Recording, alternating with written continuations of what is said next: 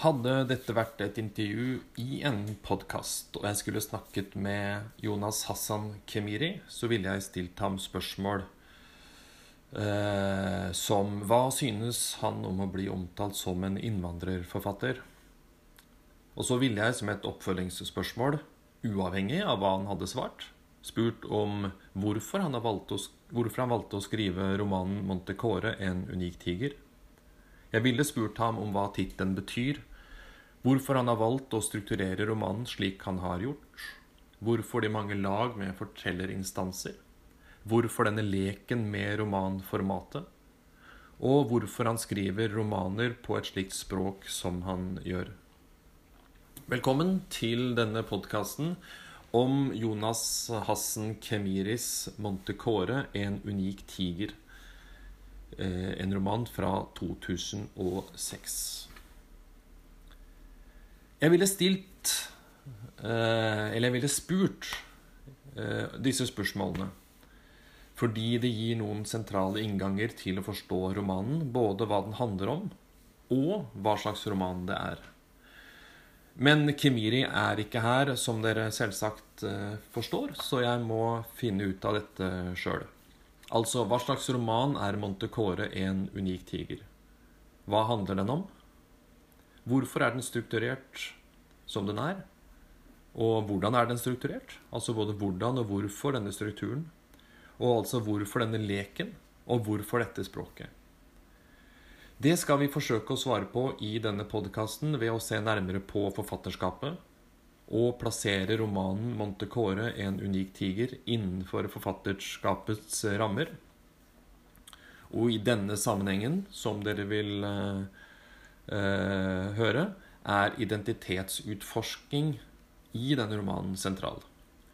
Tittelen blir i den sammenhengen interessant å se nærmere på, og det samme eh, gjør karakterene, og da særlig karakteren eh, Jonas.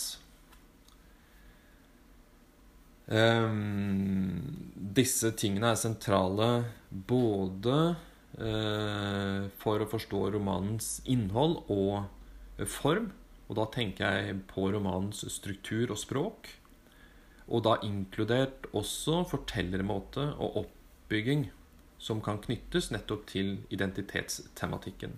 Så gjennom eh, denne identitetsutforskningen, ved å lese romanen som en utforsking av identitet, blant annet, så skal vi se eh, hvordan form og innhold i, i denne romanen følger hverandre. Altså hvordan de begge to bygger opp til en bestemt eller noen bestemte lesemåter.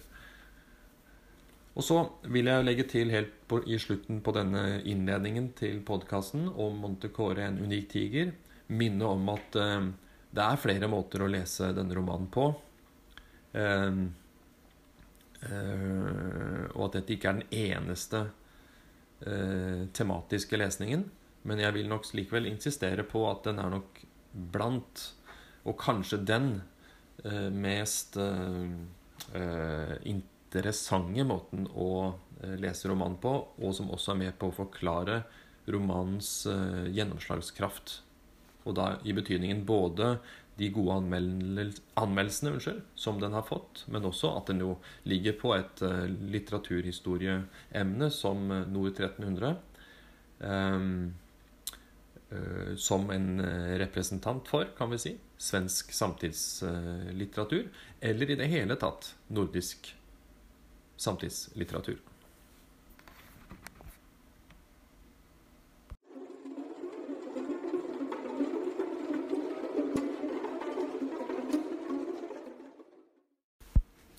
La oss um, først uh, kikke litt på Jonas Hassan Kemiri og uh, hvem han er.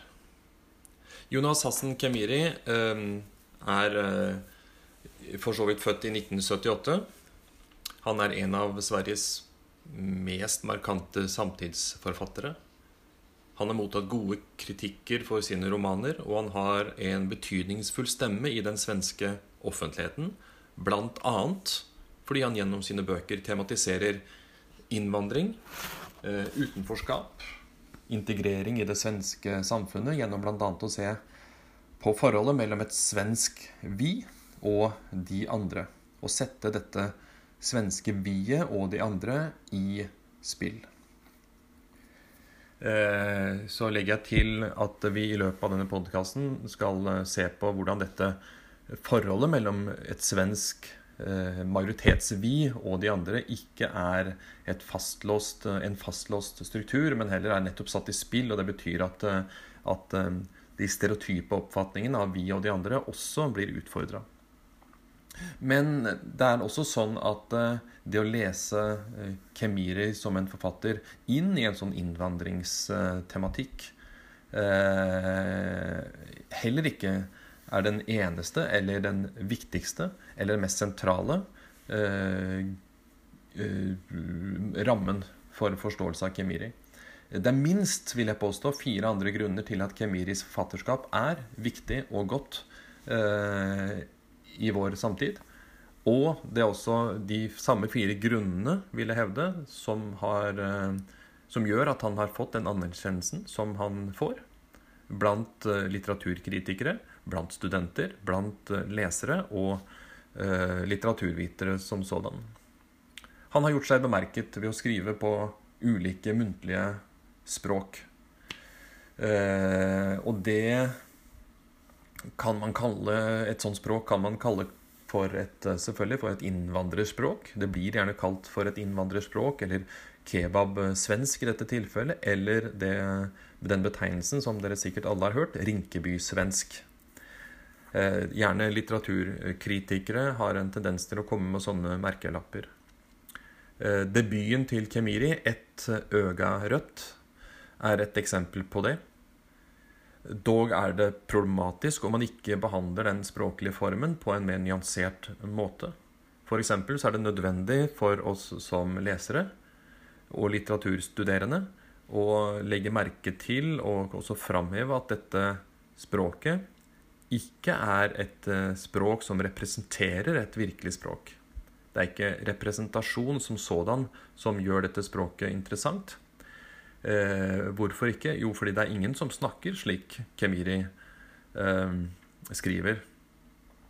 Eh, og eh, dersom det er det, dersom det skulle være noen som snakker tilnærmet likt et sånt språk, så vil de neppe kalle det selv for et kebabsvensk. Det vil jeg med ganske stor sikkerhet tro at man ikke vil eh, gjenkjenne en sånn betegnelse. Snarere vil man vel si at eh, vi snakker på den måten vi snakker. Eh, men som sagt, Kemiris språk i Et øga rødt eller i eh, Montecore er ikke, vil jeg hevde, altså, et representasjonsspråk som sådan, men et litterært språk. Det er først og fremst et språk, et litterært språk som Kemiri har funnet opp. Et språk som har den funksjonen at det bl.a. kan belyse noe ved tematikken innvandring, utenforskap, integrering, men også, og viktigst altså, identitetskonstruksjon på en måte som et annet litterært språk, eller ikke-litterært språk for den saks skyld, ikke kan belyse på samme måte. Derfor får språket i eh, Kemiris romaner en, eh, en særlig framhevet funksjon. Det er én grunn til at dette forfatterskapet er viktig, og at han har blitt framhevet som en sentral stemme og et, en sentral forfatter i eh, nordisk samtidslitteratur. Eh, og så er, er annen, En annen forklaring, hvis man vil kalle det, er at romanene er av høy kvalitet. Det skal man ikke glemme som et viktig moment i hvorfor Kemiri har, den, har fått den populariteten og den viktige posisjonen som man har fått. Romanens handling og karakterer er interessante. De er morsomme, men de er også dynamiske. I det hele tatt kan vi si at de er ganske ubestemte. Og de er med på å skape en usikkerhet i romanen. Eh, en slags spenning som er viktig for forståelsen av eh, både romanens kvaliteter og for så vidt også karakterenes kvaliteter. Ehm, vi kan si at det foregår et spill mellom det kjente og det ikke-kjente. Det vi gjenkjenner, og det vi er fortrolige med, og det vi ikke eh, gjenkjenner nødvendigvis som noe kjent, og som vi ikke er like fortrolige med. Altså hva angår fortellinger, som sådan. Altså Dette er en gjenkjennelig fortelling, men det er samtidig gjort noe med fortellingsformen som gjør at den, den likevel framstår som litt fremmedgjort. Og det samme kan man si om eh, romanen som eh, format, og vi kan si det samme om sjangeren, eller sjangrene i dette tilfellet, som eh, eh, inngår i Montecore. Altså her er det en sjangerblanding som jo er interessant. Eh, med det mener jeg at stedene som er skrevet inn, også er gjenkjennelige. Eh, samtidig som romanens form eh, er dels nyskapende. Utfordrende å lese. Og vi har altså å gjøre med en kompleksitet i romanen som det er verdt å drøfte eller tenke nøyere over. Og som også er knyttet til at man kan si at denne romanen har en litterær, høy litterær kvalitet. Og så når jeg sa dette med sjangerblandinger, så kan man jo bare umiddelbart tenke seg Det glemte jeg bare å, å, å konkretisere. Men her har vi jo en blanding av brev, eller e-postsjangeren for den saks skyld, og indre refleksjoner. Og en, en, form for fortelling som ligner en mer konvensjonell eller tradisjonell måte å fortelle på. Så denne blandingen, formmessige blandingen, er eh, med på å gjøre denne romanen til en interessant roman. Dessuten er romanen også eh, språkrefleksiv. Altså, den er en roman med et språk som reflekterer over språk. Og over det litterære språket i en roman. Det er vesentlig fordi Kemiris romaner, Montecore, men også andre romaner han har gitt ut, handler om et eh, klassisk litterært motiv som f.eks. minne og glemsel, som selvfølgelig er knyttet til tematikken eh, identitet. Og disse romanene hans handler gjerne om eh, minne eh, Eller hvordan minne og glemsel og språk inngår i et identitetsarbeid. Og da knyttet til utviklingen eller um, konstruksjonen av både et individs identitet og en kollektiv identitet. Og med de tre eh, mm, Skal vi si eh,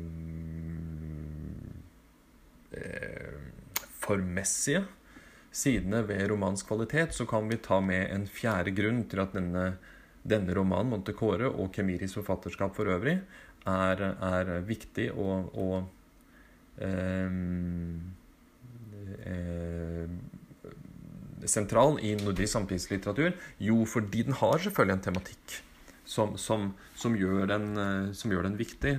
Den kan, tematisk kan den naturligvis leses innenfor en samtidstendens, kan vi kalle det, med nyere romaner som ja, Cezan Shakars eh, 'Tante Ulrikkes vei'.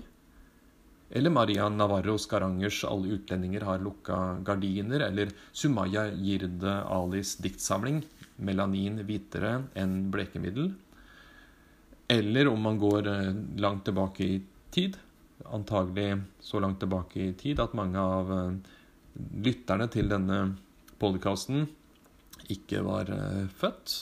Khalid Husseins roman fra 1986, 'Pakkis', som jo er en delvis selvbiografisk roman skrevet av en forfatter med innvandrerbakgrunn, om innvandrerungdom og innvandrerkultur og møte med et norsk samfunn. Innenfor denne tematikken og i en sånn eh, tendens eh, kan vi plassere eh, Kemiris romaner.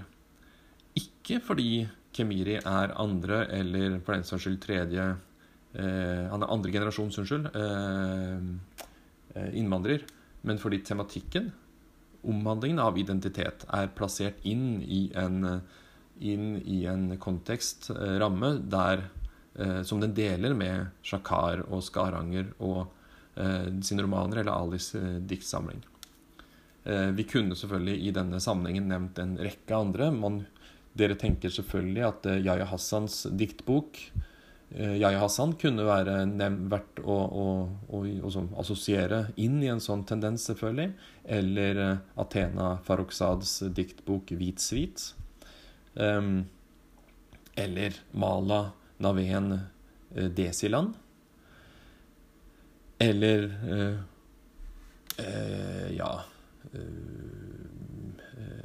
Adel Khan Farouks 'Mine brødre' vil være en annen roman som man kan plassere inn i, inn i denne tendensen, da.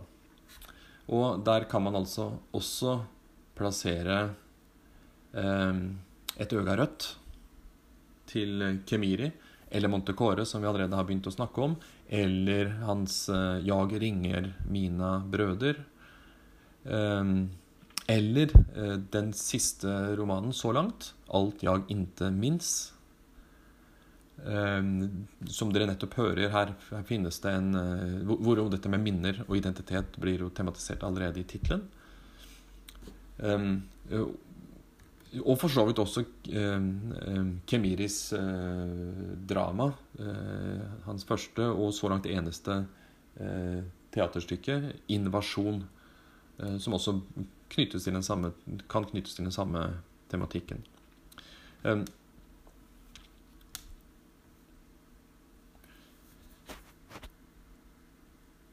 Det er i hvert fall Det, det, det er en sånn det, La oss si at det var en kort introduksjon til Kimiris um, eh, forfatterskap. Og jeg beklager den veldig um, assosiativ og uh, ustrukturert, muligens.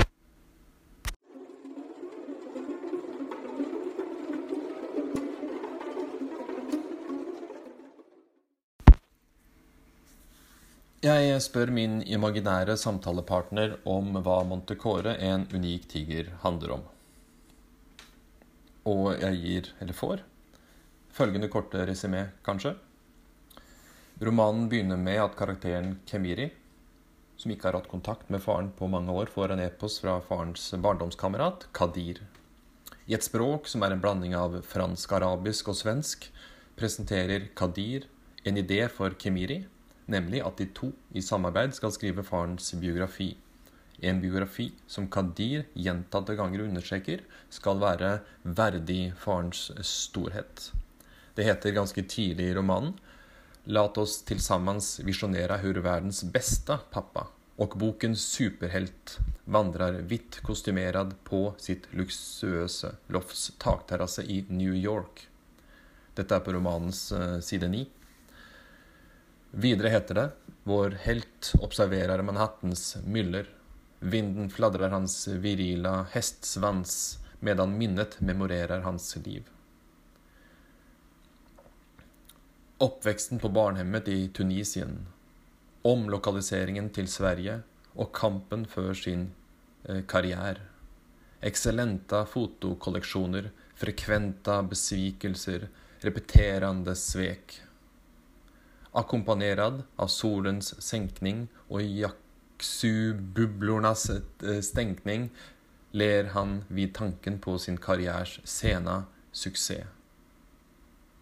Det skulle selvfølgelig være jacuzzi. Boblenes eh, stenkning. Beklager det. Uh, vi legger merke til at dette er en del av romanens prolog. Og det er vel også en ganske real salgspitch. Her er det Her får man vite hva romanen i korthet går ut på. Her, her inneholder, det, inneholder det alle uh, hendelser som, som Eh, som er samlet i noen toppunkter eller bunnpunkter, om dere vil. Litterære toppunkter eller narratologiske toppunkter. Og her legger vi også merke til bruken av superlativer eller adjektiver. Ehm, om hvordan uh, f.eks.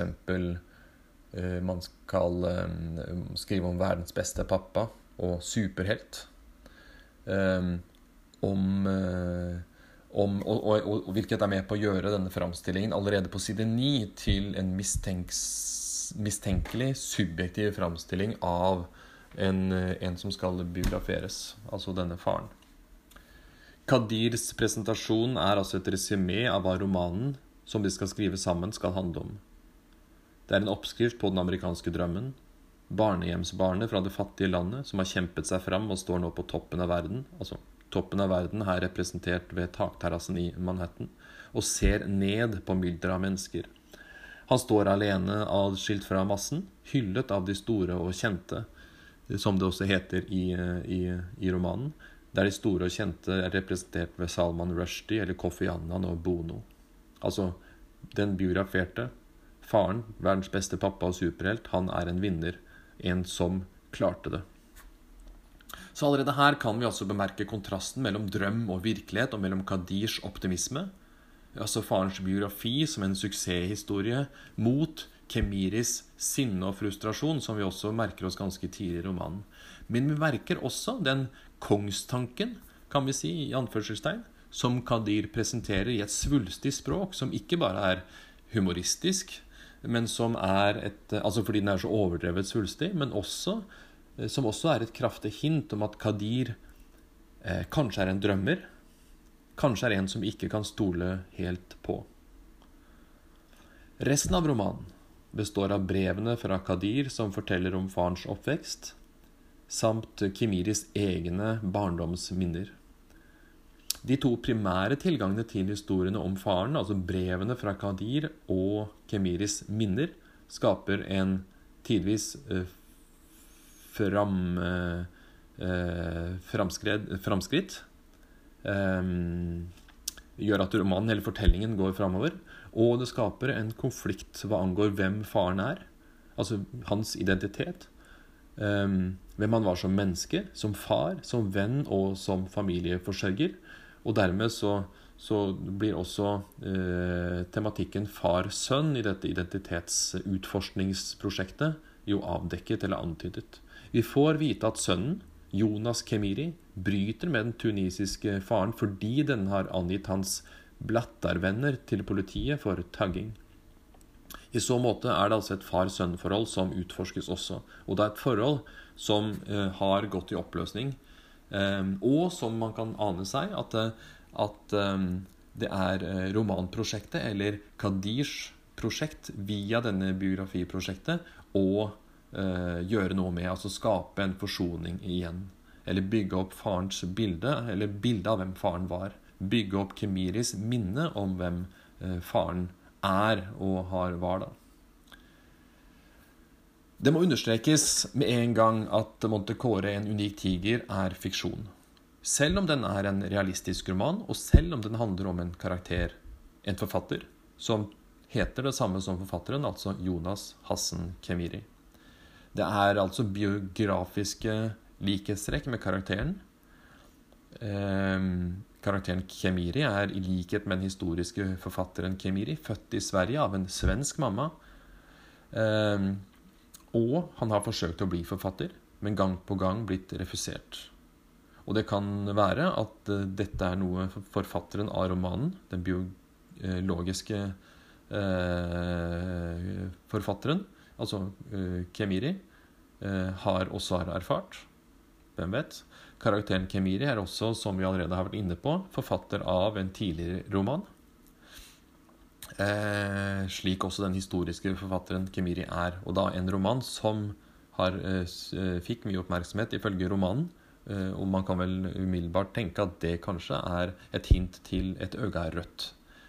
Men det er ikke likest Eh, tilstrekkelig. Det er ikke tilstrekkelig å lese denne som en selvbiografisk roman. Kanskje er det ikke interessant i det hele tatt. I hvert fall vil det være min påstand.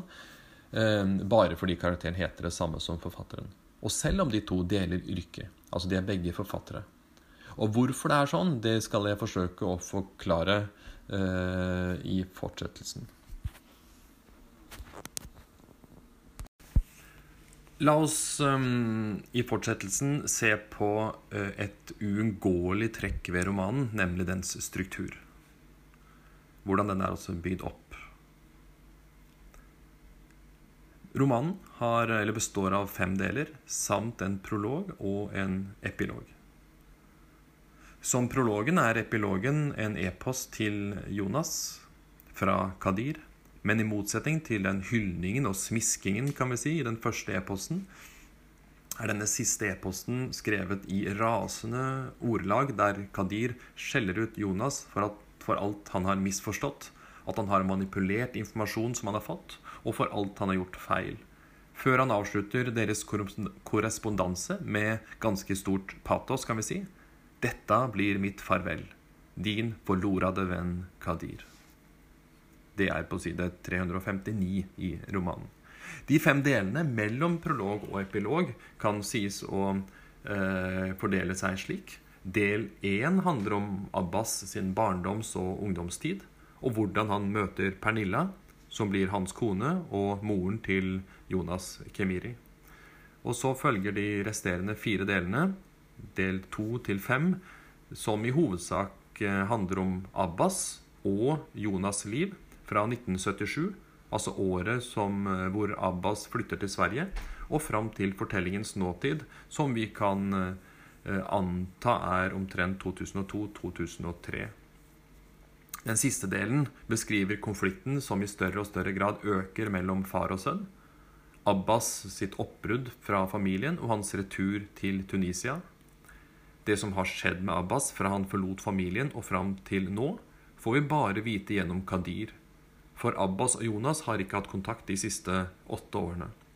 Vi følger altså Abbas' livshistorie og samfunnets utvikling nokså kronologisk, men fortellingens flyt brytes ofte opp av eh, Kadirs e-poster, av fortellingens veksling av stemmer og ulike måter å formidle på, og av metakommentarene til eh, Kadir. Hva slags roman er det vi så har med å gjøre? Jo, hvis vi går til eh, Elisabeth Oxfeldt, som er professor i nordisk litteratur ved Universitetet i Oslo, så har hun skrevet i en artikkel om denne romanen følgende. Montecore, en unik tiger, utforsker de strukturer og mekanismer som innenfor nasjonalismen og imperialismen undertrykker folk fra den tredje verden. Den innkretser det der innenfor postkolonialisme Eh, kalles imperialismens subaltern, og gjør det i tråd med Gayatri Spivaks påstand om at the subaltern cannot speak. Eh, vi kan kjapt legge til her at eh, Gayatri Spivak er en, er en indisk-amerikansk Eller det er vel en indisk professor, filosof Eh, og litteraturteoretiker og eh, feministisk kritiker. Men eh, hun jobber vel i USA og er verdenskjent som filosof og teoretiker nettopp innenfor det postkoloniale perspektivet. Og da blant annet kjent for behandlingen av denne stemmen, som, som jo er Eh, som er eh, enten tvinget til å ligge under en majoritetsstemme, eller som forsøker å, å ta det tilbake. Da. Videre så sier Oxfeldt i det samme sitatet som jeg begynte, begynte på før jeg avbrøt meg selv for å si hvem Spivak eh, er. Videre sier Oxfeldt Kemiris tekst åpner dog også for at i den grad the subaltern allikevel ytrer seg, dreier det som et brøl der gjør dypt inntrykk, men hvis betydning ikke endelig kan stadfestes. Så, så det betyr at uh, Oxfeldt i stor grad sier det samme som det vi allerede har vært inne på i denne, i denne romanen. Språket er viktig. Det er en, en eh, utenforskaps- eller undertrykkelses- eller uh, innvandringstematisering i romanen. Um, og, og, den kan knyttes til identitetsutforskning. Og eh, i tillegg er dette en roman som er ganske åpen. altså Betydningen kan ikke endelig stadfestes, som, som Oxfeldt skriver. Så i dette ropet er språket altså viktig. I resepsjonen av Montecore så har nettopp språket fått oppmerksomhet som et påfallende og sterkt virkemiddel som Kemiri bruker for å dekonstruere tradisjonelle og nasjonale diskurser. Altså som en måte å rette en kritisk blikk og et mistenksomt blikk på tradisjonelle måter å tenke på, tradisjonelle måter å skrive på, og ikke minst da nasjonale, dominerende måter å være på, snakke på, eh, tenke på. F.eks. hvordan man tenker eh, sammen ideen om eh, nasjonale diskurser og identitetskonstruksjoner. Majoriteter mot minoriteter, f.eks. Eh, om dette språket så skriver Elisabeth Oxfeldt ganske treffende Ehm, når hun beskriver Kadir i Montecore som, et, som, har et språk som ifølge Oxfeld overskrider landegrenser og tidsepoker. Eh, hun skriver, det rommer de siste tre århundrer og kan brukes til å beskrive moderniteten fra glidende fransk, arabisk og svenske perspektiver. Altså, dette er jo et eller annet med dette språket som er svensk, men samtidig ikke svensk. Som er fransk, som er arabisk, som er svensk, som er et språk som ligger imellom disse språkene, som et eget språk. Og som samtidig da så overskrider landegrenser og tidsepoker fordi det på den ene siden er veldig svulstig, arkaisk til tider, både i syntaks og ordvalg, og på den annen side jo er et språk som i romanen presenteres i en e-post, altså en moderne kommunikasjonsform, eh, i en, en, samtidig, en roman som handler om samtiden. Altså Dermed får man den der overskridelsen av tidsepoker også. Men, men, men Montecore, som jeg allerede antydet, handler ikke bare om hvordan man kan forstå et menneske man ikke lenger har eh, i sitt liv, gjennom, en, gjennom, å sammenstille ulike personers minner om denne personen. Like, eh, eh, minst like viktig er motivet glemsel. Altså knyttet til hvordan man minnes, er også glemselen. Og spørsmålet om hvilke mulige hensikter den som forteller eh, en, en persons historie, har med eller ved å glemme visse aspekter av fortiden. Altså Vel så viktig som å huske er det viktig å glemme hvis man vil framstille en person på en bestemt måte. Og i Montecore så blir det etter hvert klart at den interesserte vennen til forfatteren Kemiris far, Kadir, jo kan være faren selv. Eh, og der kom det jo en aldri så liten mulig um, eh, avsløring for de av dere som ikke har rukket å lese romanen ferdig ennå. Vi får ikke et endelig svar på det, men det løftes jo fram som en mistanke hos Kemiri. Dette innebærer da også at man som leser oppfatter at faren, som muligens utgir seg for å være sin venn Kadir, uansett er en svært upålitelig medforteller, om det er faren eller Kadir for øvrig, eh, som ønsker å glorifisere sin egen historie, eller da farens historie, hvis vi stoler på at Kadir er Kadir, og også rette opp i uvennskapet som har oppstått mellom faren og sønnen.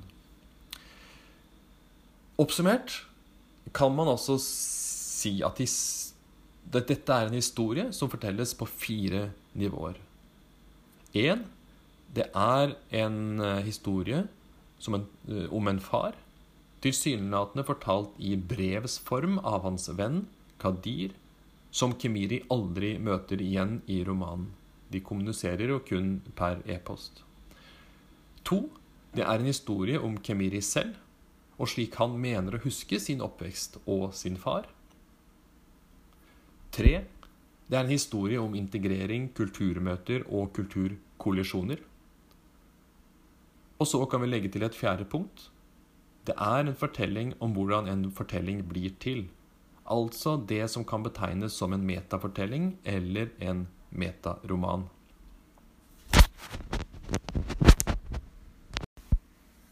Disse fire, og i særdeleshet de tre første nivåene uh, i, uh, i, romanen, de nivåene som jeg nå nevnte, uh, kan knyttes til identitetsutvikling, identitetsutforsking, til problematisering av forståelse av identitet, og til det man kan si et spill mellom individuell og kollektiv identitet. Altså hvem er jeg, og, og hvilken tilhørighet har jeg i, i, innenfor et kollektiv? Eller hvilken tilhørighet føler jeg ikke, for den saks skyld? Altså dette spillet mellom individuell og kollektiv identitet, det kan knyttes til eh, særlig til de tre første lesenivåene av de fire jeg nå nevnte og den er for så vidt ikke irrelevant for punkt fire heller. Altså dette som en metafortelling eller metaroman, men det kommer jeg tilbake til senere i podkasten.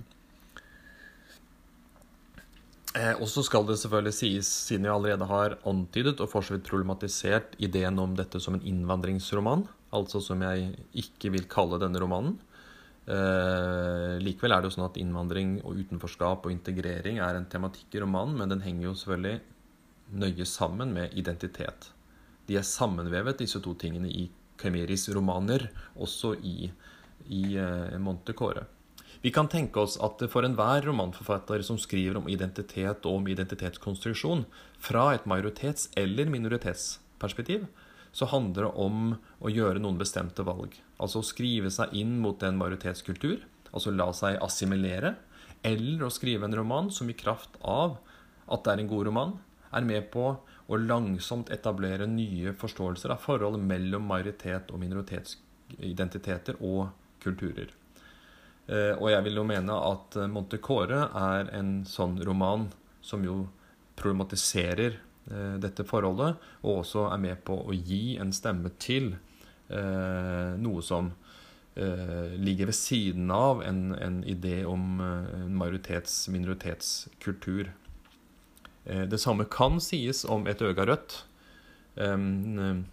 Altså debuten fra 2003, og ikke minst romanen 'Alt jag inte minns' eh, fra 2015. Um, og nå kom jeg på en ting jeg, jeg tenkte jeg skulle sagt i stad, men det tror jeg glemte. At, eh, at um, det er jo inter interessant at Monte Kåre, en unik tiger, altså som ble gitt ut i 2006, er en roman som, som jo på mange måter stiller seg på sidelinje av mainstream-romanen, eller den tradisjonelle måten å fortelle på, eller det tradisjonelle eh, språk, språket å skrive eh, på. Um, samtidig er gitt ut på et stort forlag, altså Nordstedts forlag. Um, det, er, det er ikke et paradoks, tror jeg, men det er jo interessant å merke seg hvordan også den type alternative stemmer og romaner jo blir fanget opp av det man kan kalle et majoritets... Uh, Eh, forlag. I hvert fall kan man kalle det et majoritetsforlag om man vil være litt provokativ. Um, og det er også verdt å merke seg, tenker jeg, at uh, denne romanen, uh, Montecore, følges opp av et øga rødt, og begge to har hatt en stor nasjonal og internasjonal suksess. I den sammenhengen så kom jeg på en annen ting jeg skulle, skulle nevne, um, nemlig at Et øga rødt også har blitt filmatisert Eh, så eh, etter at dere selvfølgelig har lest ferdig Montecore og har lest romanen 'Et øga rødt', så kan, dere, kan jeg anbefale å se filmen. Um, når jeg har aktualisert allerede denne forholdet mellom identitet og innvandring, utenforskap, integrering, og dette forholdet mellom individuell og kollektiv identitet, så er det noe vi kan gjenkjenne i Kemiris forfatterskap. Det kommer fram at um, i, i, flere av romanene at motivene til den som forteller om uh, minner fra fortiden, virker inn på hva som huskes, og hvordan noe huskes. Altså Dermed så framheves både den ikke veldig pålitelige uh, fortelleren og uh, konstruksjonen i både minner, fortellinger nasjonale fortellinger så vel som individuelle fortellinger. Altså at disse har konstruksjonsaspekter ved seg. Eh, og dermed er diskursivt eh, bestemt. Og dermed like viktig som hva som huskes, og hvordan noe huskes når det skal eh, fortelles, når det skal skapes identitetsfortellinger, så minst like viktig er det altså hva som glemmes eller fortrenges. Og låter det kjent for dere? Ja, det gjør det jo. For, eh, for, de av dere som har lest Montecore, i hvert fall. Fordi det betyr at Montecore eh, setter spørsmålstegn eh, ved troverdigheten til fortelleren eller fortellerne, eller kilden til den som er forteller, og at Kemiri dermed også peker på hvem som kan ha makt til å fortelle historier som definerer hvem vi er. Og da kan man jo tenke seg at den nasjonale identitetsfortellingen er satt på spill, eller til og med utfordra eller, eller, eh, dekonstruert, så vel som innvandringsfortellingen eh, blir dekonstruert gjennom bl.a. Eh, Kemiris forfatterskap og eh, særlig Montecore, et, en unik tiger.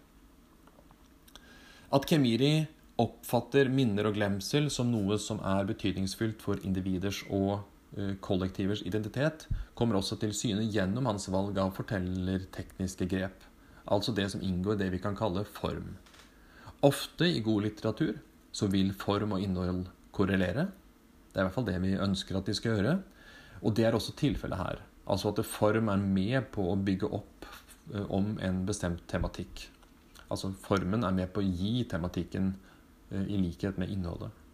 Kemiris spill med kompliserte, kompliserte unnskyld, lag av fortellerinstanser er meningsskapende, med andre ord, fordi dette grepet understreker at det ikke bare er identiteten til den det fortelles om, som det er vanskelig å gripe i språk og fortellinger. Identiteten til den som forteller, og den som står bak et litterært verk, er også uklar og vanskelig å få tak på. På den måten framstår Kemiris romaner som en måte å utvide ikke bare forståelsen av individuell og kollektiv identitet i samtidens Skandinavia. De bidrar også til ny innsikt hva gjelder forholdet mellom litteratur og virkelighet, og i mer litteraturtekniske termer hva gjelder forholdet mellom forteller, implisert og historisk forfatter.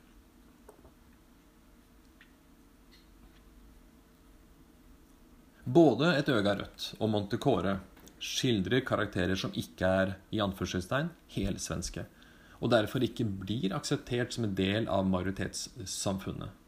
Samtidig har karakterene også fedre som bevisst unnlater å snakke morsmålet med, sitt, med, med barna sine, og mener det vil hjelpe barna til å bli bedre integrert om de ikke formidler noe til dem om sitt fødelandskultur. Der har vi allerede identitetskonflikter eh, både på et individnivå og på et kollektivt nivå. Så dermed står barna tilbake uten noe fast orienteringspunkt i verken samfunnet eller i familien. De har ikke noe definert eh, sosiokulturelt fellesskap å høre hjemme i og de mangler personer som kunne hjulpet dem til å skape en sammenhengende fortelling om deres liv. Så i stedet så står de i et slags nå, i en eh, samtid, og baler med en haug med løse tråder eh, til en fortid som de ikke kjenner, eller bare kjenner et vrengbilde av.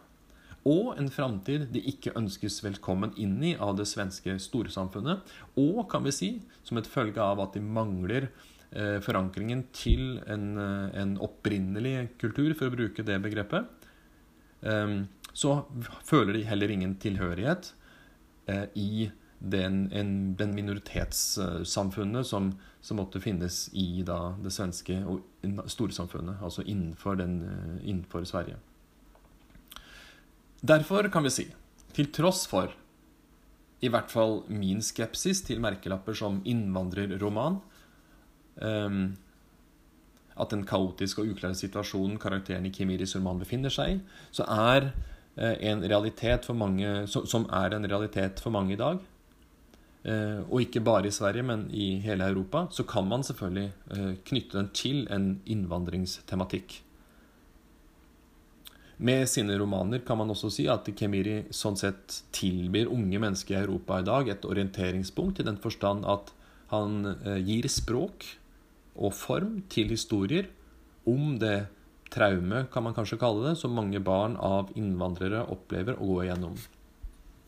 Og der Kemiri og gir litterær form til minner som ikke har et hjem innen en nasjon, eh, nasjons grenser. Og her ligger også romanens politiske funksjon. At den nettopp er en stemme som ellers ville vært uh, tyst eller undertrykt. Og når Kemiris romaner viser hvordan unge mennesker med etnisk eller kulturelt blandet eh, bakgrunn føler seg hjemløse innenfor nasjonens rammer, både i møte med majoritetskulturer og minoritetskulturer, så frembringer han også det man kan kalle motfortellinger til det nasjonale narrativet. Altså apropos Spivaks uh, subaltern, uh, som altså i dette tilfellet kan uh, tale tilbake. Altså, man, han, Kemiri presenterer motfortellinger til nasjonale narrativer eh, som unge mennesker av ulik eh, bakgrunn, eh, også svensk bakgrunn, kan man si, er tvunget til å forholde seg til. Men som man likevel ikke finner sin plass til. Plass i, mener jeg. Unnskyld.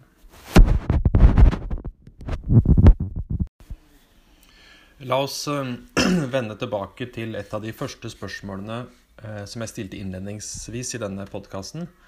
Det, det spørsmålet som angår tittelen. Altså hvordan kan vi forstå tittelen? Og ikke minst, kan denne tittelen være en eh, tolkningsnøkkel som vi kan bruke for å forstå romanen? Metaforen 'en unik tiger' er mest sannsynlig eh, tenkt som Abbas. Altså at Abbas er en unik tiger. Det synes vel for så vidt åpenbart. Eh, altså at Abbas i egne, eller i Kadirs øyne, er en unik tiger. Her må vi da huske på at metaforer ikke er det samme som eh, sammenligninger, men en overføring av bestemte egenskaper mellom et fenomen eller et område eller et objekt, f.eks. en tiger, et dyr, eh, og en overføring fra et, et tiger i dette tilfellet, og egenskaper ved en tiger, på vedkommende som metaforen er ment som. Altså at man får noen av de egenskapene som en tiger har. Det må vi bare huske på.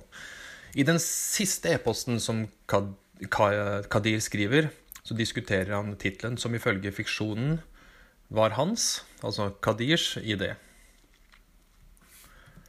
Um, og det er på side 355 og 356. Der heter det Min premiera besvikelse var bokens tittel.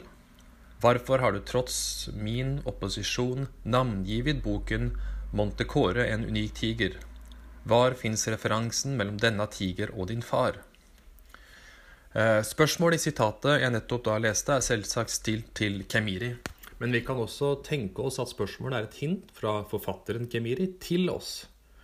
Montecore eh, var navnet på en av de hvite stjernetigrene til duoen Sigfred og Roy, som hadde et fast show med tigre i Las Vegas. Showet har en dramatisk historie, kan vi lese om. Tigeren Montecore hadde blitt trent av Roy Horn i seks år fra den var liten, da den under et show i oktober 2003 angrep treneren og påførte ham eh, store skader. Showet ble som en følge av dette lagt ned, og brått opplevde da den trygge og pålitelige Opplevdes altså brått opplevdes denne trygge og pålitelige katten som, eh, som var temmet, eh, ble også oppfattet som, som et rått og, utilregnelig rovdyr. Tigeren handlet på instinkt, selvfølgelig. Og tigre har en atferd som kan undertrykke kulturelt lært atferd. Det betyr at de ikke egentlig lar seg temme, og at det er dette som gjør dem unike. Om de kun gjør det de er lært til, kan alle tigre gjøre det samme, ergo er de ikke unike eller da er de den samme tigeren. Dessuten kan tigeren Montecores eh, eh, handling tolkes symbolsk som et opprør mot undertrykking og frihetsberøvelse, eller eh, temming. Det er et poeng som Elisabeth Marie Nome har i eh, sin masteroppgave om denne romanen. Foruten tittelen får vi innenfor fiksjonen, altså i, i, romanen, en bekreftelse på Abbas tilknytning til den hvite tigeren i en lapp som Abbas skriver til Pernilla første gang han kommer til Sverige, for der står det, og det er på side 83 i romanen eh, J'attend a central, ton chat unik. Altså din unike katt. En annen og mindre flatterende forbindelse gir jo Kemiri selv. Eh, og det er på side 291, og som altså igjen kan knyttes til tittelen. Det er tiden når pappor begynner få luddige konturer.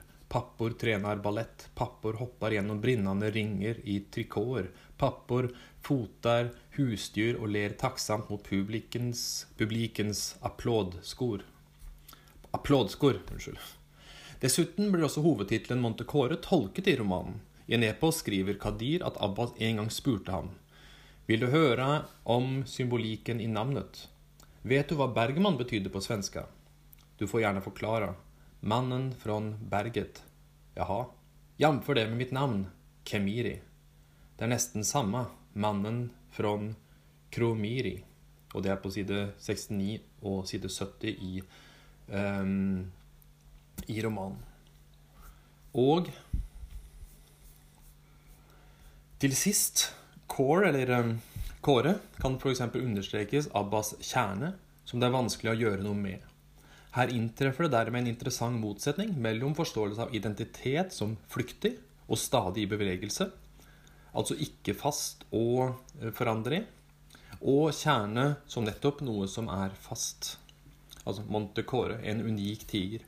Det faste, eh, iboende mot det flyktige, eller et eller annet ekte Eh, opp mot eh, noe kulturelt betinget, eller altså et slags instinkt opp mot eh, det å bli kultivert, eh, assimilert, eh, temmet av en kultur eller av, et, av en majoritet, hvis man tenker i de baner. Og da, da, da, da vil jo tittelen, med andre ord, eh, forsterke en lesning av romanen som en utforskning av noen identitetskonstruksjoner, eller betingelser for identitetskonstruksjoner. Det heter et sted i romanen der det antydes en bakgrunn for historien og eh, romanen. Eh, en tematikk. Og en tematikk. Um, og det er på side 73 i romanen. Det er altså her alt børjar. Det som kommer sluta i flygresor og flyttar og kjærlek og giftermål og konflikter og tre forvirrede bladdsønner og stadiga misforstand og slutlig tragisk tystnad mellom en sønn og en far.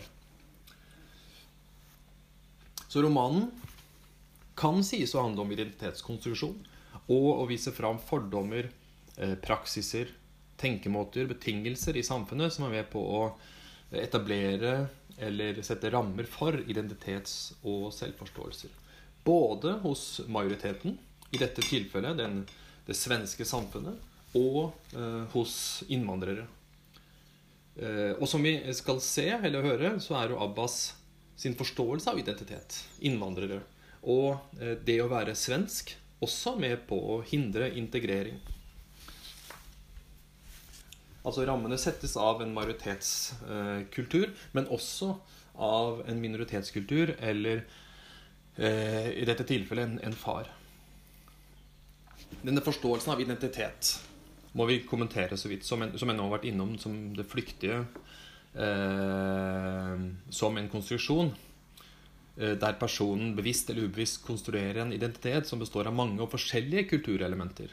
Det er en tematikk som utforskes i mye litteratur på 90-tallet og i begynnelsen av 2000-tallet i, i, Norden. Det vil si at litteraturen omhandler eh, de som ikke lar seg kategorisere og plassere i den eh, i anførselstegn naturlige kategorien nasjon, eller som har en etnisitet eller legning som er den samme som majoriteten. Dette har fulgt den nordiske litteraturen i 90-tallet og på 2000-tallet. Og denne evnen til å re, til um, re, revidering og refleksjon omkring eh, jeget i det moderne um, og er kanskje Og jeg er det moderne individets kjennetegn. Det kjennetegner det moderne individet. Det skriver også Per Thomas Andersen i sin litteraturhistorie. Her, heter det bl.a. at om samtidslitteraturen på 90-tallet og 2000-tallet Eller 90-tallet stort strengt tatt, unnskyld. Eh, per Thomas Andersen skriver den identitet som tidligere var knyttet til selvsagte grunnverdier, ble mer og mer borte. Tilbake sto et nomadisk og kosmopolitisk menneske og et moderne selv eh, må det enkelte mennesket skape på egen hånd. Sammenhengen i identiteten bygger på den biograferede fortelling som ethvert menneske har om seg selv, og der jeg permanent reflekterer og reviderer liv og erfaring.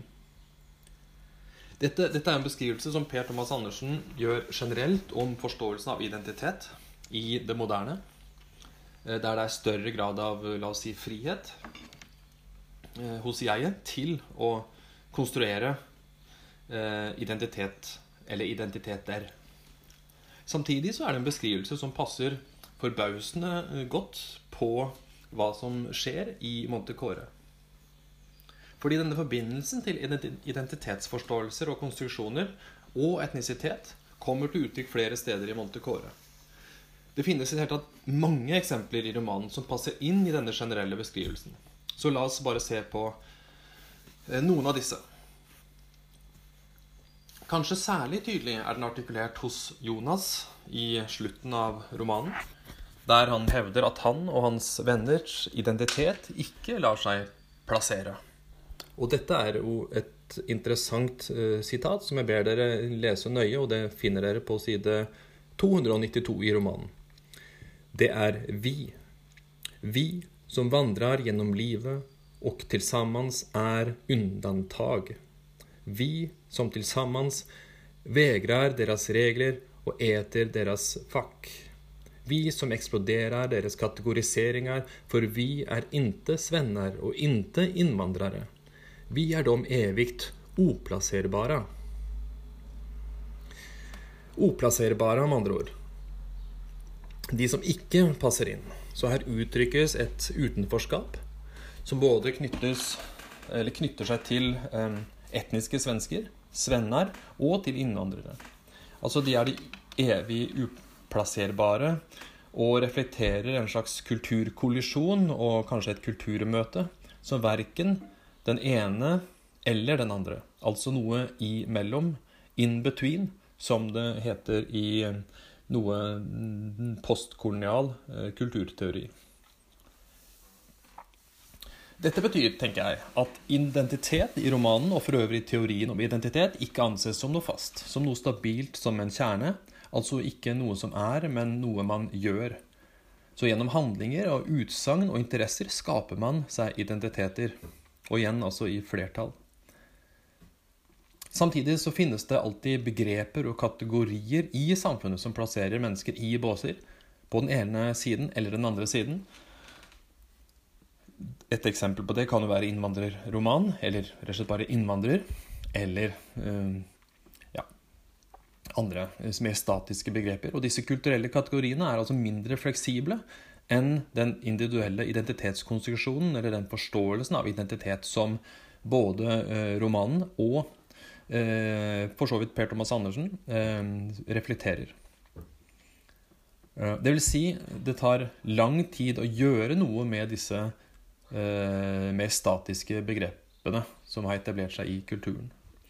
Og det er kollisjonen mellom disse som romanen Montecore bl.a. tar opp, og som vi også ser uttrykt i det sitatet som jeg leste om utenforskap eller de evige, eh, uten, de evige eh, unntakene. I sitatet uttrykker Rukamiri en tilhørighet i et vi, men dette er et vi som ikke passer inn i noen av samfunnets kategorier, kategorier, og derfor plasserer han dem selv i en ny kategori, en in-between-kategori, altså en mellomposisjon, de evigt oplasserbara. Vie vi og de andre reflekteres også i Kadirs fortelling om ham og Abbas som ungdom. Eh, men da kommer det til uttrykk på en litt annen måte. Og da handler det om det her å finne fram til en ungdommelig frihet. En slags rastløshet som kommer til uttrykk ved at man reiser eh, fra sted til sted uten å eh, høre til noen steder. Og uten da eh, omgås, eh, i anførselstegn, sine egne.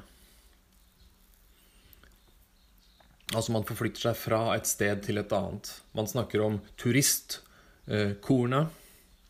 Eh, man snakker om eh, nattlige visiter på fremmede hotellrom osv. Altså ting som jo er med på å uttrykke en slags eh, flyktighet i livet til Kadir og Abbas. Og som for så vidt også undertrykker et eller annet av det derre Ikke bare unntaket, men også det unike. Det unike som en, en unik tiger. Og man finner det når Abbas kommer til Sverige. Altså hvor kan, vi kan lese ut av romanen en slags kollisjon mellom svensk kultur og, og framstillingen av svensk kultur, i hvert fall, og Abbas opprinnelige kultur som en understreking av fremmedhet. Det heter f.eks. Sverige. Akk, Sverige. Et land av tysta metrovagnar. Delisiøse kvinner og mengders muligheter. Sverige er luftig renhet, vatning, himmelskhet og hisnende vyer fra sentralt beleggende broer. Alt i Sverige er odørløst og kolørløst. Propert rutet, hvitt og skjært. og lent i likhet med den underarmshud som er Pernillas. Akk, Pernillas hud. Bare en av mine motiv til hvorfor jeg valgte å lemna min beste venn og nystartede fotokarriere. Dette er det altså Abbas som reflekterer over. Og hans nye beste venn er selvfølgelig eh, Kadir. Ved gjentatte anledninger utover i romanen kan vi lese at Abbas hadde en viss framgang og suksess på intervjuer til ledige stillinger inntil han ble spurt om hans opphav. Det ble, blir i brevene eh, i romanen fremstilt som om det som stanset Abbas framgang som fotograf og til integrering i Sverige, har sitt utspring i hans etniske opphav. Men som, eh, som Kemiri, forfatteren Kemiri også skriver fram her, så finnes det en annen forklaring eller en annen diskurs. Fordi det går ikke spesielt godt for Abbas i Sverige. Um, som da ifølge Abbas hindrer um, Eller ifølge Kadir, kanskje. Et av hindrene er at han ikke kan svensk godt nok. Det heter et sted i romanen det preliminæra steget var at lokalisera en assistenttjenest. Jeg vandrade mina steg fra atelier til atelier, jeg presenterte mine arbeidsprover fra Tabarka og erbød meg til redusert eller nesten gratis kostnad. Min suksess var ikke særskilt abrupt. Frekventa var de fotografer som detaljerade att de tyvärr inte kunde assistera en assistent som inte kultiverer svensk språk. Så altså er språk og kultur med på å understreke denne følelsen av å være uplasserbar i det svenske samfunnet, på ikke å høre til eller ikke kunne få innpass. Altså finner man her en parallell mellom erfaringen til Kemiri, som artikulerer dette eksplisitt i det tidligere sitatet jeg leste, og Abbas, der Kadir mer implisitt gir uttrykk for denne følelsen av, være, av å være in between.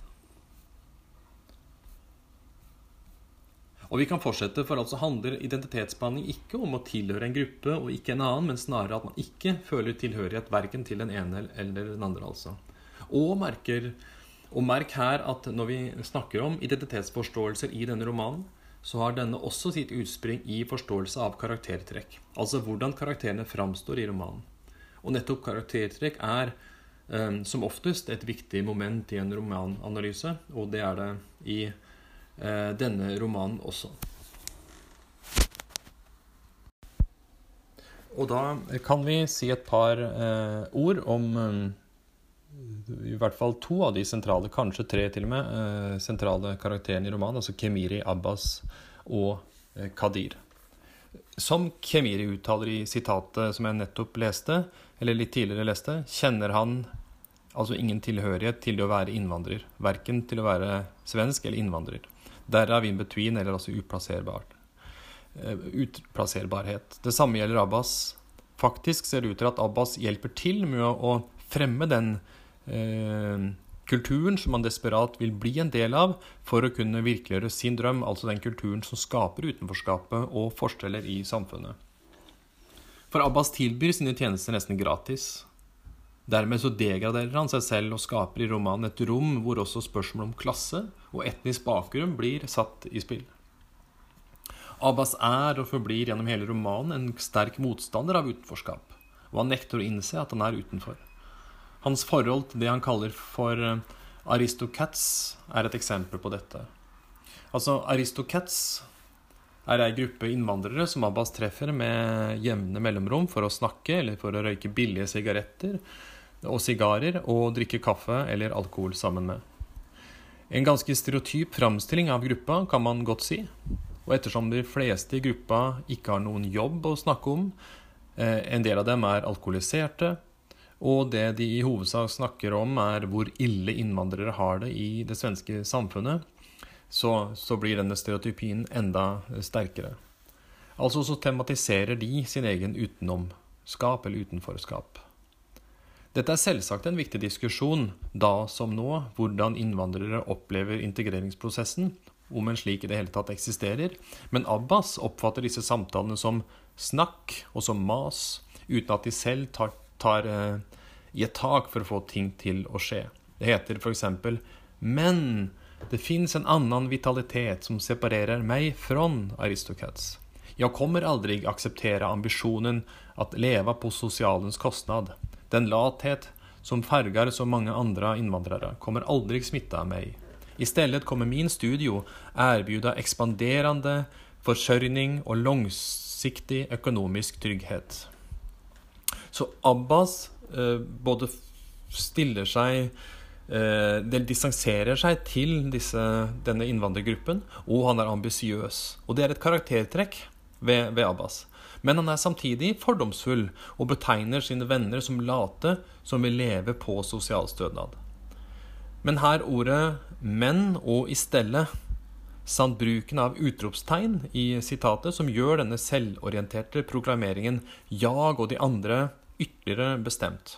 Altså distanserende fra denne gruppa. Men eh, og i stedet. Altså, det, det, er jo to ord som jo skaper distanse, eller motsetninger. Abbas er med andre ord i egne øyne eh, bedre innvandrer, i motsetning til de mange dårlige innvandrere. Altså lager han et skille mellom to typer innvandrere. Og viktigere, han inntar en posisjon som er i tråd med hva mange vil si er nødvendig for en god integrering. Det heter et sted i romanen arbeidet er nøkkelen til integrasjon.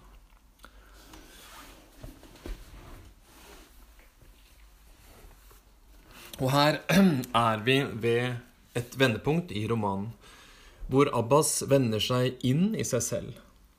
Han blir introvert, hvilket innebærer at han også vender seg vekk fra denne gruppen og bestemmer seg for å la seg assimilere 100% inn i den svenske kulturen, også den svenske majoritetskulturen.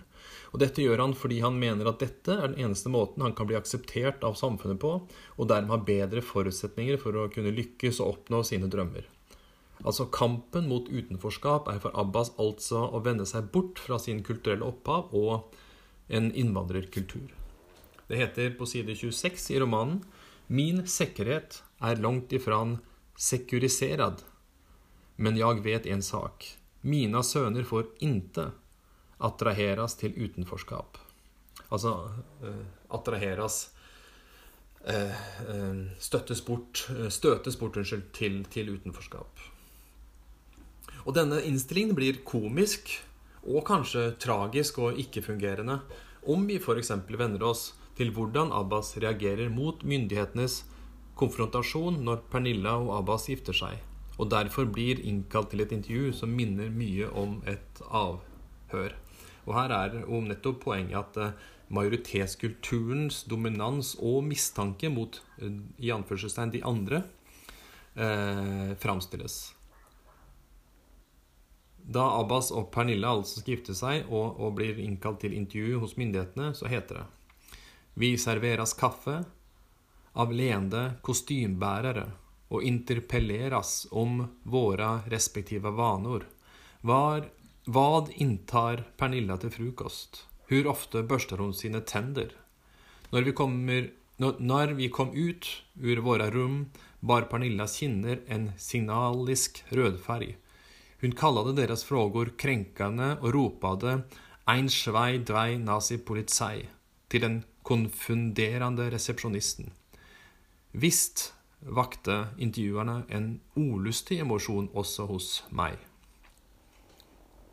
Eh, merk dere at scenen er et eksempel på eh, en forsterkning av følelsen av å være den andre. Altså bruk av ord, direkte tale. At det hvit, det er en hvit som blir mest rasende, for å bruke det ordet. unnskyld. Altså eh, Pernille som blir den mest rasende og føler seg undertrykt. Samt merk også bruken av humor, ikke minst knyttet til Abbas kommentar til slutt.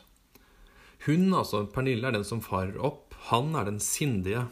Altså etnisitet og kjønn settes kanskje også på spill her. Hun reagerer emosjonelt, og vil kanskje mange si adekvat, mens han har emosjonelt eh, resignert. I dette sitatet så mener jeg at det finner eh, sted en sterk kritikk av hvordan svenske myndigheter mottar innvandrere, og svenske statsborgere som er venn med eller gifter seg med innvandrere. Spørsmålene er fornedrende, og kommentarene fra tjenestemannen er uttrykk, uttrykk for fordommer, slik som at alle har noen baktanker når de gifter seg med en svensk eh, statsborger. Dette er en framvisning av fordommer og hverdagsrasisme, men også om ignoranse. Det er holdninger som vi kan tolke dit hen at tjenestemannen som representant for den svenske stat handler og tenker på en måte som opprettholder et skille mellom oss og dem, og dermed motarbeider integrering eh, eller ny forståelse av hvem det svenske vi-et er. For i dette tilfellet så står jo Abbas naive fascinasjon for det svenske samfunnet som et velkomment, velorganisert, rent og utopisk samfunn i veien for en mer kritisk og mistenkelig og adekvat, vil vi kanskje si, oppfatning. Derfor reagerer han også mer resignert. Eh, det kan også godt være at denne naiviteten er et uttrykk for at man som innvandrer eh, til et vestlig land bærer med seg så tydelig trekk på å være den andre, og å være den som er utsatt, at Abbas ikke kan tillate seg å gjøre som Pernille, ei heller tenke tanken Dermed demonstrerer jo denne scenen en ulikhet mellom de to, eh, som er knyttet til hvordan de kan eh, agere. Hvordan de kan performere sin, sine emosjoner, men også sine identiteter. Altså så er det en ulikhet som har med etnisk opphav og eh, kulturelle eh, strukturer å gjøre. Pernilles reaksjon forsterker inntrykket av henne som en politisk engasjert person. For henne er hverdagen en stadig kamp mot myndighetene og mot makten over seg selv og sitt liv. Dessuten demonstrerer scenen og Pernilles indignasjon at hun ved å gifte seg med Abbas automatisk i de svenske myndighetenes øyne har gjennomgått en transformasjon fra å være innenfor, en av det svenske viet, som man ikke behøver å overvåke eller registrere det hverdagsvannet til, f.eks. hvor ofte man børster håret eller drikker kaffe, til å bli en utenfor, en fremmed som man må undersøke de mest basale hverdagslige gjøremålene til. Hun har altså blitt den andre til tross for hudfarge, språk, etnisitet og kulturelt opphav.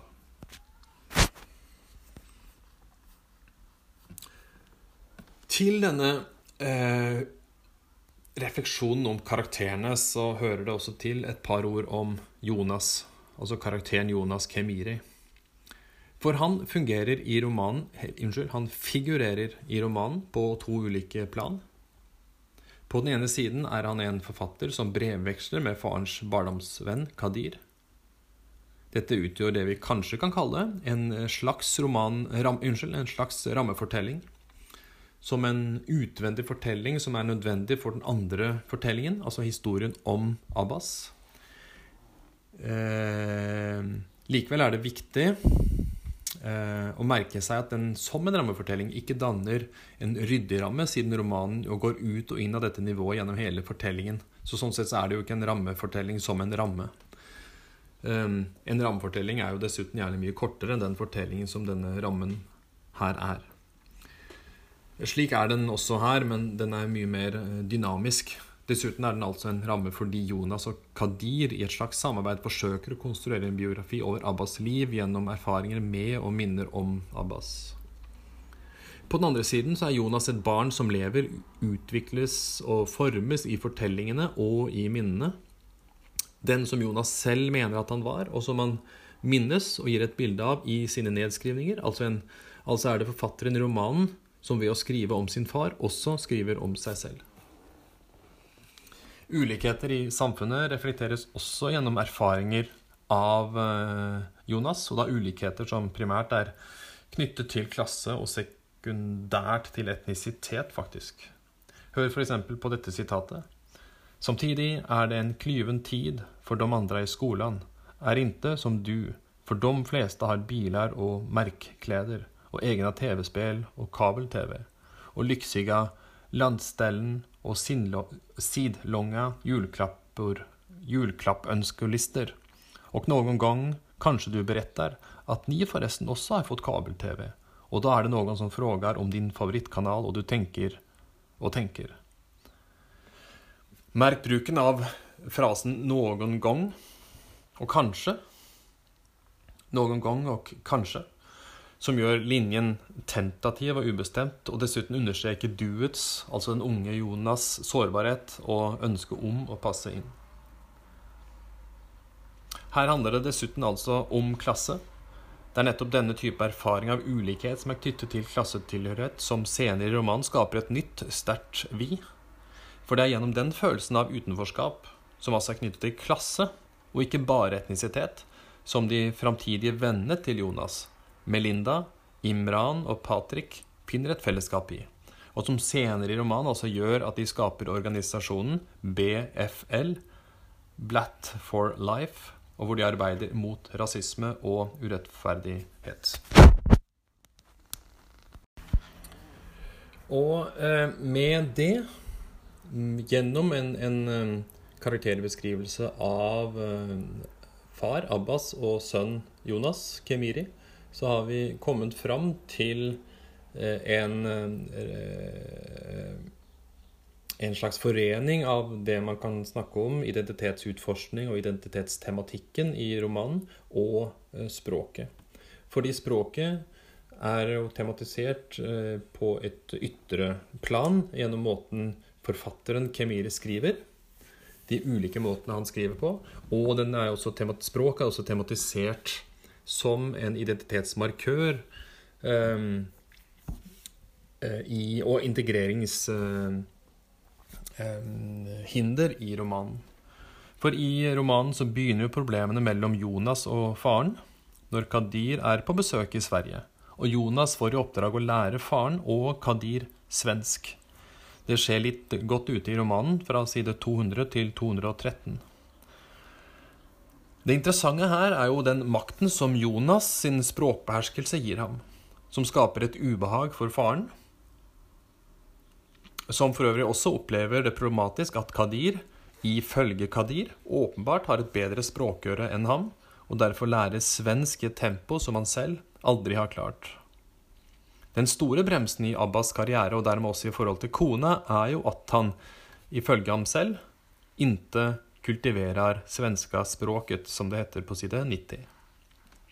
Som et litterært virkemiddel tillater forskjelligspråkheten Kemeri ikke bare å vise at ulike karakterer har ulike intensjoner eh, og ideologiske ståsted. Abbas er utenfor, og Jonas språklig integrert i det svenske. På et overordnet nivå gjør forskjelligspråkligheten det også mulig å demonstrere at det bakom det nasjonale narrativet finnes mange alternative historier som forties, men som likevel finnes der. Med andre ord, i Montecore får Kemiri fram et språk, minnene og historien, eh, og at disse tingene, minne, historie, evne til å kunne fortelle historier, eller makt til å fortelle historier, og språk, har altså at disse tre komponentene har en eh, enorm egentlig, diskursiv makt over enkeltmennesker. Tenk bare på at det ikke holder for Abbas å ville være svensk. Han må aksepteres som svensk av de som forvalter svensk språk og kollektiv identitet, og det skjer jo aldri. Det heter f.eks. på side 239 i romanen Pappor lærer seg alt som fins at kunna, men enda en enda felaktig preposisjon er alt som behøves. Et enda ett, som borde varit en. Sen deras sekundlånga paus, pausen som de elsker. Pausen som viser at hvor mye du enn forsøker komme via Nei, uh, unnskyld. Altså, som viser at hvor mye du enn forsøker, kommer vie alltid. Alltid at gjennomskåde deg. Det er for så vidt den samme tematikken vi finner i Et øga rødt, og som vi kunne ha snakket om eh, hvis vi skulle laget en forbindelse i, mellom Montecore og Kemiris forfatterskap for øvrig, men det skal vi eh, stå over i denne sammenhengen. Man kan heller si eh, at i Montecore sies det om og om igjen at for faren Abbas er det viktig at politikk ikke får sitat, komma mellom meg og min sønn. Så både her, og for så vidt andre steder i forfatterskapet, så fører um, fedrenes nokså ydmyke livsløp i randen Fører eh, fedrene en, en, en ydmykende livsløp i randen av det svenske samfunnet. Begge innser at eh, mangel på svenskkunnskap hindrer dem i å ta skrittet ut fra denne marginale posisjonen. Abbas beskriver hvordan hans ambisjon om å tjene til livets opphold som fotograf mottas i Sverige. Ikke sant? Ved, um, ved at han jo i et tidligere sitat jo peker på at min suksess var intet særlig abrupt. Og altså han tilbyr jo sin tjeneste nærmest gratis. Og denne opplevelsen um, er jo noe av Altså, til å aldri bli akseptert er også den som eh, ligger bak Abbas sin sterke motvilje mot at sønnen Jonas kultiverer utenforskapet. Eh, og, som, og, eh, og, som gjør at Abbas jo vil at, at Jonas skal eh, skal være helsvensk, eller som det heter på et sitat litt langt ute i romanen Hvorfor inga helsvenska venner? Er du rasist? Akta deg for å henge med fel folk. Svensker, svensker er bedre. Innvandrere bare utnytter og utnytter, som han eh, formaner på side 284. Eh, eller som han uttrykker når han, han eh, bestemmer at eh, Jonas bare skal snakke svensk. Bara tala svenska, som det heter på side 199. Men siden som det også heter eh, på side 111. Kemiriskan er pappors språk og familiens språk. Det er et språk som bare er ert, som ingen annen eger, og som du aldri kommer visa for noen, som Abbas sier til Jonas. Og Derfor oppleves, oppleves det som et sterkt eller stort tap for Jonas at pappor plutselig låtsas ikke forstå vare seg arabisk eller franska innvendinger. Svenska, min son, heter det. Nu det er svenskan vi snakker. Pappor veksler språk. Pappor krymper en aning, som det heter.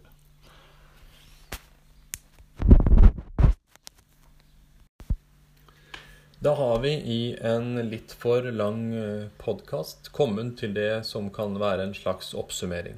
Hva er det vi har snakket om? Eh, jo, vi har snakket om identitet, identitetskonstruksjon, og gitt en del eksempler på hvordan eh, hendelser eh, og språk og karaktertrekk er med på å underbygge eh, romanen som en utforsking og problematisering av eh, bestemte forståelser av hva identitet er, eller hvordan identitet skapes. Og samtidig så er det en, eh, som jeg nevnte helt innledningsvis, en metaroman. Og jeg kommer litt tilbake til det etter først å eh, si eh, et par ord om akkurat dette med identitet og integreringsproblematikk, f.eks. Og som gjør at jeg tenker at dette er det, er det, som er kjernen i denne romanen mer enn innvandrer dette, enn å kalle romanen for en innvandrerroman. Eh, det siste, dette med innvandrerroman, det tematiserer jo Kemiri selv i romanen. Fordi Kadir skriver til Jonas at det er vanskelig, sitat, og det er på side 28 i romanen, side 28, at forstå din vulkaniska ilska mot ditt publikasjonshus. Hvorfor så arg over at Nordstedts presentert din roman som den første romanen skriven på tvettekta rinkebysvenska. Det er vel bare deres metod at veksa interesset for resens innenfor resensjonene. Terminera genast din, ditt namngivande av dem som horstets, Altså forlaget som et uh, Horsted, eller Hor, uh, Horstedts. Det er et ordspill. Um, denne kommentaren har blitt lest som et uttrykk for at Kemiri med Montecore motsetter seg å bli kategorisert som innvandrerforfatter, og at han protesterer mot å bli betraktet gjennom det Magnus Nilsson, en, en professor i svensk litteratur, kaller det etniske filteret. Men i denne protesten mot forlaget Nordstedts promotering av fortelleren eh, Jonas Kemiris ikke navngitte første roman, altså som man kan anta er eh, Øga rødt, eller en roman tilsvarende øga, Et øga rødt. Der ligger det også en påminnelse fra den historiske forfatteren Kemiris side om at språket i litteratur, som Et øga rødt eller Montecore, er litterært, som vi var inne på i, i begynnelsen på podkasten. Og ikke en mimetisk gjengivelse av en, av en sosiolekt av typen Rinkeby-svensk. At denne påminnelsen forekommer så tidlig som på side 28 i Montecore, gjør også at man som leser bringer den med inn i lesningen av de resterende 331 sidene av romanen, der det språklige ikke-svenske eller usvenske dermed ikke kan misforstås som språket til en gitt gruppe utenfor verket.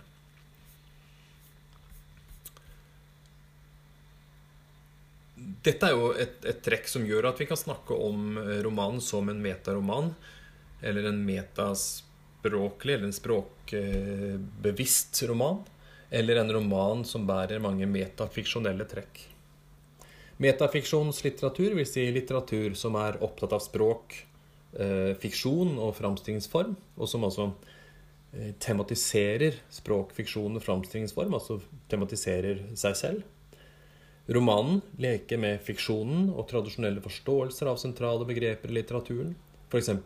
være en forfatter. Altså hvem er forfatteren av Montecore? Være en forteller. Hvem er fortelleren i Montecore? Er det én eller flere? Og hvor tett opp til den, til, til den, den eh, empiriske forfatteren ligger fortelleren eller forfatteren i Montecore? Hva er en implisitt forteller, og hvem er i så fall dette i Montecore? Eller hva er en litterær karakter? Og igjen, hvor litterære eller hvor ikke-litterære er karakterene i Montecore? Og til slutt, hva er en fortelling og en roman? Om vi f.eks. ser på eh, eh, Montecore. Altså romanen synliggjør fortellingens tilblivelse. Sin egen tilblivelse, med andre ord. Ved å vise fram e-postene som Kimiri får fra Kadir, og ved å eksplisitt tematisere Kadir og Kemiri som upålitelige fortellere. Kadir fordi det ser ut til at han har baktanker med prosjektet, og Kemiri fordi han delvis ikke husker alt, eller husker ting annerledes, og delvis fordi han ikke har noe, noen annen kilde til historien om Abbas enn den kanskje litt upålitelige Kadir. Eller etter det. Den muligens døde Kadir. Og nettopp dette er jo noe av det siste romanen jo spiller opp til oss. Um, at denne Kadir, som uh, Kemiri har brevvekslet med, uh, allerede er død. På romanens siste sider får vi vite at Jonas har oppdaget at Kadir er død, og har vært det hele tiden eh, hvor de har brevvekslet. Og dette berettes aldri direkte av Jonas, men vi får i stedet vite det av Kadir, altså den Kadir som er død. For Eh, når Jonas ifølge en av e-postene fra Kadir får så antyder at Kadir må være Abbas, reagerer Kadir med sinne. Og her gir versalene som er brukt, uttrykk for at det er påfallende sterke emosjoner på spill for Kadir når han forklarer at han ikke er Abbas. Det er på side 359 hvis dere vil slå opp. Det er inte din far som har startet et litet hotell i Tabarka. Det er inte din far som har startet en e-postadress eh, i sin Føre dette venns navn i ambisjon at återfinne sin relasjon til sin sønn. De to krangler ikke bare om hvem som skriver i Kadirs navn. De har også opphetede disputter om hverandres framstilling av Abbas. Jonas' tekst ligger ifølge Kadir som alltid sannsynligvis um, um, Kadir, som kanskje kan være Abbas, langt ifra både sanningens og kompromissens versjon, og bare glimtvis lykkes du fange din fars riktige historier. Historia, som det heter på side 358. Um, og her spilles det altså to ting opp.